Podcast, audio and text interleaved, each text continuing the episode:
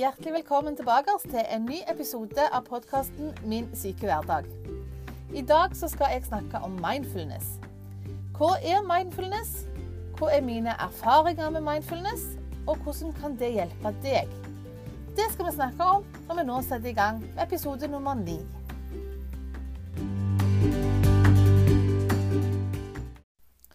Ja, da var vi klar med en ny episode.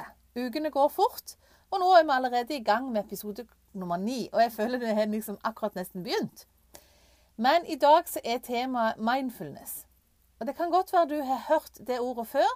Kanskje du har gått på kurs eller fått det med deg på en annen måte. Eller du bare liksom har hørt det ordet beskrevet og ikke helt vet hva det går i.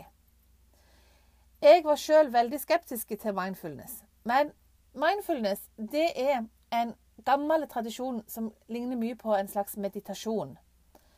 Det er rett og slett hvordan man kan bli mer oppmerksom i sitt eget nærvær. Oppmerksom på seg sjøl, på sine følelser, på sine tanker. Være til stede i øyeblikket. Og faktisk kunne vite og kjenne igjen ulike følelser som kommer i kroppen. Hva er det som skjer med meg akkurat nå? Klarer jeg å være i kontakt med pusteankeret nede i magen, eller blir det mye sånn pusting som ikke er særlig bra for verken hode eller kropp? Det er en måte å bli kjent med seg sjøl på. Og det er til tider ganske sterkt.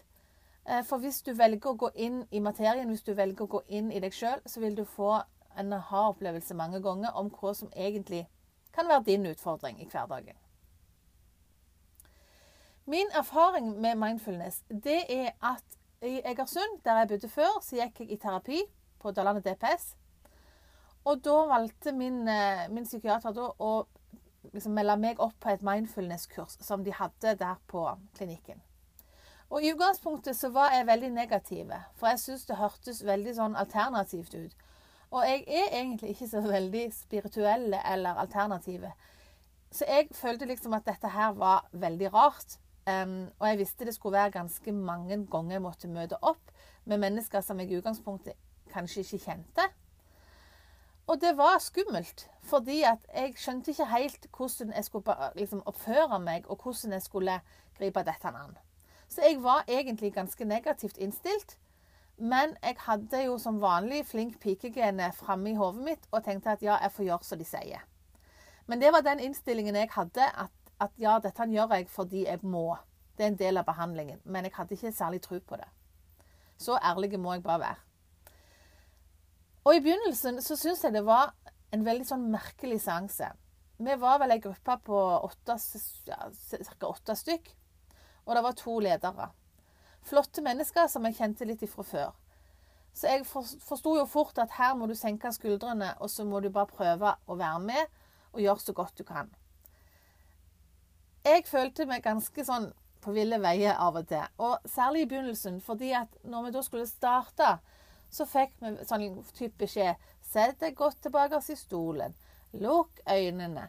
Kjenn på pusten. Og ofte hadde de liksom sånn musikk, sånn naturlyder på musikk i bakgrunnen. Og jeg kjente bare at herre min hatt, skal vi sitte her som noen idioter og lukke øynene og bare liksom komme inn i en eller annen form for transe?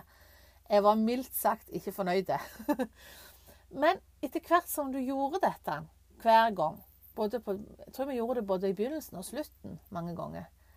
Så ble det mer og mer um, normalt. Og det ble ikke så farlig. Og etter hvert som jeg klarte å bli tryggere på omgivelsene og tryggere på lederne og de andre deltakerne, så klarte jeg å slappe av. Og jeg skal love deg det at på slutten så var det sånn alle bare sette seg til rette og var helt klar til å begynne med denne her seansen. Fordi det ga oss en indre ro. Jeg fikk òg mye hjelp til å akseptere mine egne følelser. Til å måtte innse hvordan livet faktisk er, og bli enig med meg sjøl om at ja, sånn er livet, jeg må ha det med meg i bagasjen, men jeg kan faktisk gå videre. Og dette var en lang prosess, det var ikke gjort på to uker. Men det handla om å bli kjent med sine egne følelser, kjent med sine egne grenser, kjent med sine egne sperrer, og hvordan man oppfører seg, og hvordan man på en måte har lagd seg egne tankemønstre og egne rutiner inni hodet ditt på hvordan livet skal være. Og så måtte jeg på en måte restarte meg sjøl litt. åpne opp for litt andre ting. Jeg måtte eh, på en måte innse at her ligger det veldig mye som trengs å jobbe med, men du må våge å gå inn til kjernen. Fordi at hvis ikke du går til kjernen, så når du aldri roten av problemet.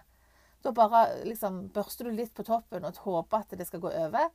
Men du må faktisk gå ned i selve kjernen av problemet. Og gradvis så ble jeg tryggere på meg sjøl.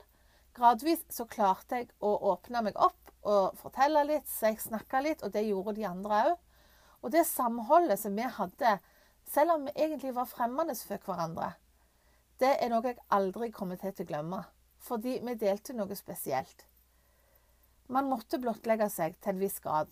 Man måtte innse mange ganger at oi, nå, er på, nå har jeg andre følelser her som jeg faktisk ikke helt vet hvordan jeg skal håndtere.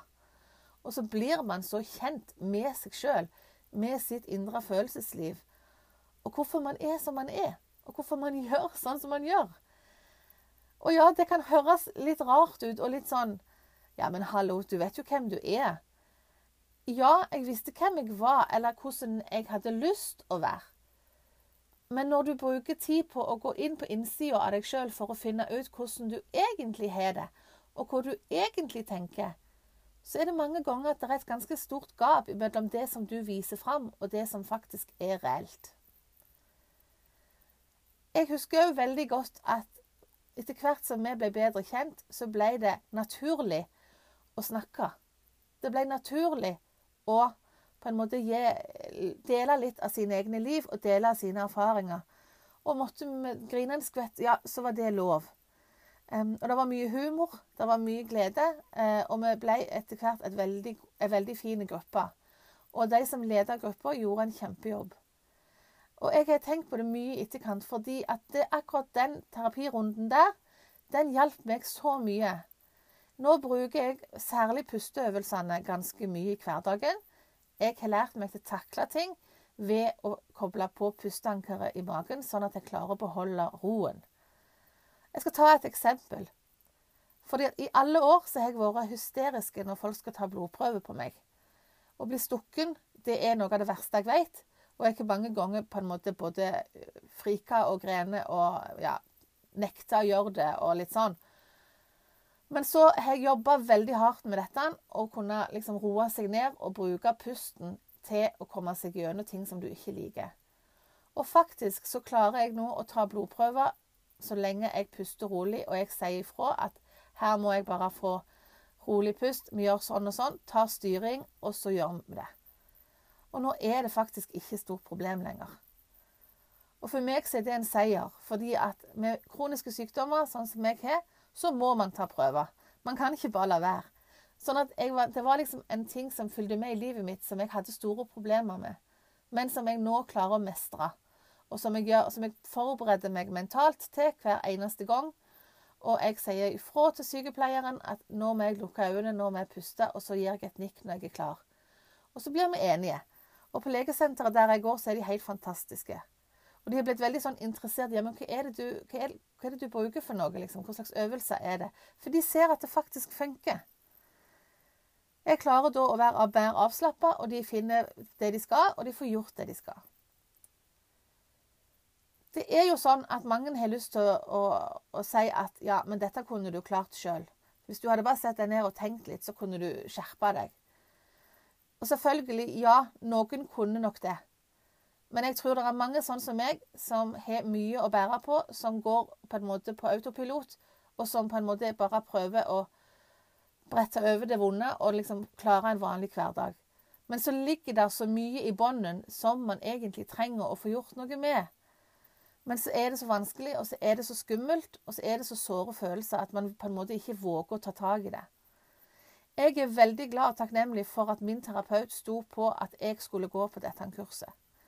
Jeg rakk å fullføre det før jeg flytta fra Egersund. Og var, Det gikk mange måneder før jeg reiste tilbake igjen til Egersund, for jeg syntes det var så vanskelig. Men når denne gruppa skulle ha sin samtale et halvt år etterpå, da reiste jeg hjem. Da reiste jeg bort og var sammen med dem fordi det betydde så mye for meg. Så mindfulness har på en måte gitt meg veldig mange gode verktøy som gjør at jeg klarer hverdagen min utrolig mye bedre enn før. Og så er det en prosess. Det er noe du må jobbe med underveis i livet. Man kan ikke trykke på én knapp, og så er alt annet ferdig fiksa. Nei, man må gå gjennom det. Man må være bevisst på de valgene man tar, og på hvordan man skal prøve å løse dem. Og jeg håper at flere enn meg kan få hjelp via mindfulness.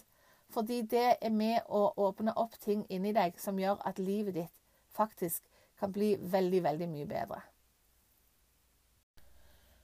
Hvis du har lyst til å prøve litt på mindfulness, så er det mange muligheter for det. Du kan velge å ta kontakt med DPS-en og høre om de har sånne kurs. Eller om det er sånne kurs på, på Frisklivssentralen eller på Frivillighetssentralen.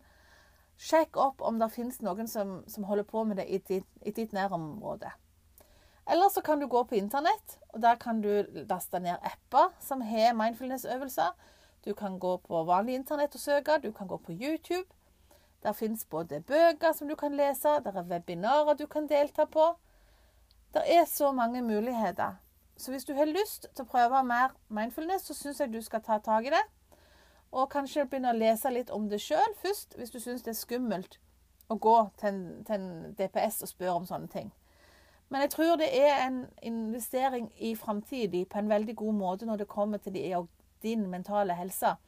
Fordi at eh, man kan lære veldig mye ut av å gå på et mindfulness-kurs. Om det er via app eller om det er fysisk tilstedeværelse, så vil du uansett, så lenge du er villig til å lære, så vil du få med deg masse gode tips. Så jeg håper at du kanskje kan synes det her virker interessant. Og send meg gjerne spørsmål hvis du lurer på noe. Det er bare til å fyre løs. Jeg er ikke ekspert, men jeg har vært gjennom dette sjøl, så jeg vet litt hva det går i. Og jeg håper inderlig at hvis dette kan være til hjelp for deg, at du, du våger da å, å, gi det et forsøk. Og prøve å se om det kan være noe som vil hjelpe deg i dine prosesser videre i livet. For alle mennesker er i en prosess. Livet går opp, og livet går ned. Noen dager er gode, noen dager er dritvonde. Men uansett så har vi dette livet, og vi skal komme oss gjennom det på best mulig måte. Da fortjener vi å ha det godt inni oss. Vi fortjener å ta vare på hverandre, ta vare på oss sjøl.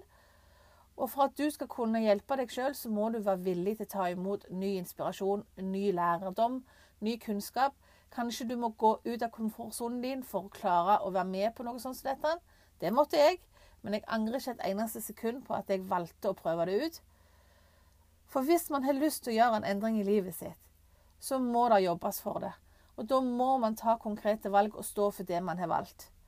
Så jeg håper inderlig at dette her kan være til hjelp for deg. At kanskje mindfulness kan være med og gi deg litt hjelp til å komme videre i ditt eget liv. Og at du blir kjent med deg sjøl på en ny måte. Du er mer til stede i øyeblikket, og du får en mer ro inni deg. Hvis du da kommer så langt i programmet at du syns dette her på en måte begynner å ha effekt. Men du må starte med et åpent sinn. Prøv å tenke at dette her kan ikke gjør iallfall ikke skade. Det er en god prosess. Og så håper jeg òg at du etter hvert kan føle at dette her vil gi deg en større trygghet i deg sjøl.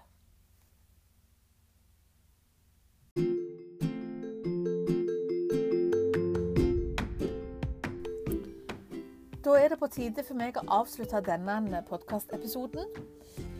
Det er ikke alle podkastepisoder som varer så fryktelig lenge. Og det er jo pga. at jeg sitter her alene inni det lille, bitte lille kottet mitt og snakker til dere. Men jeg jobber med å få besøk, jeg jobber med å ta imot gjester, så litt senere i prosessen så vil det komme litt lengre podkaster. Akkurat i dag så må jeg ta hensyn til min egen helse og stoppe mens legen er god, sånn at jeg klarer å ta vare på meg sjøl òg. Men Neste onsdag så kommer det en ny episode av podkasten, og da skal vi snakke om mestring. Og da skal jeg òg snakke med dere om et nytt prosjekt som jeg er i gang med, som jeg lanserer snart. Og jeg gleder meg veldig til å dele detaljene rundt dette med dere i podkasten.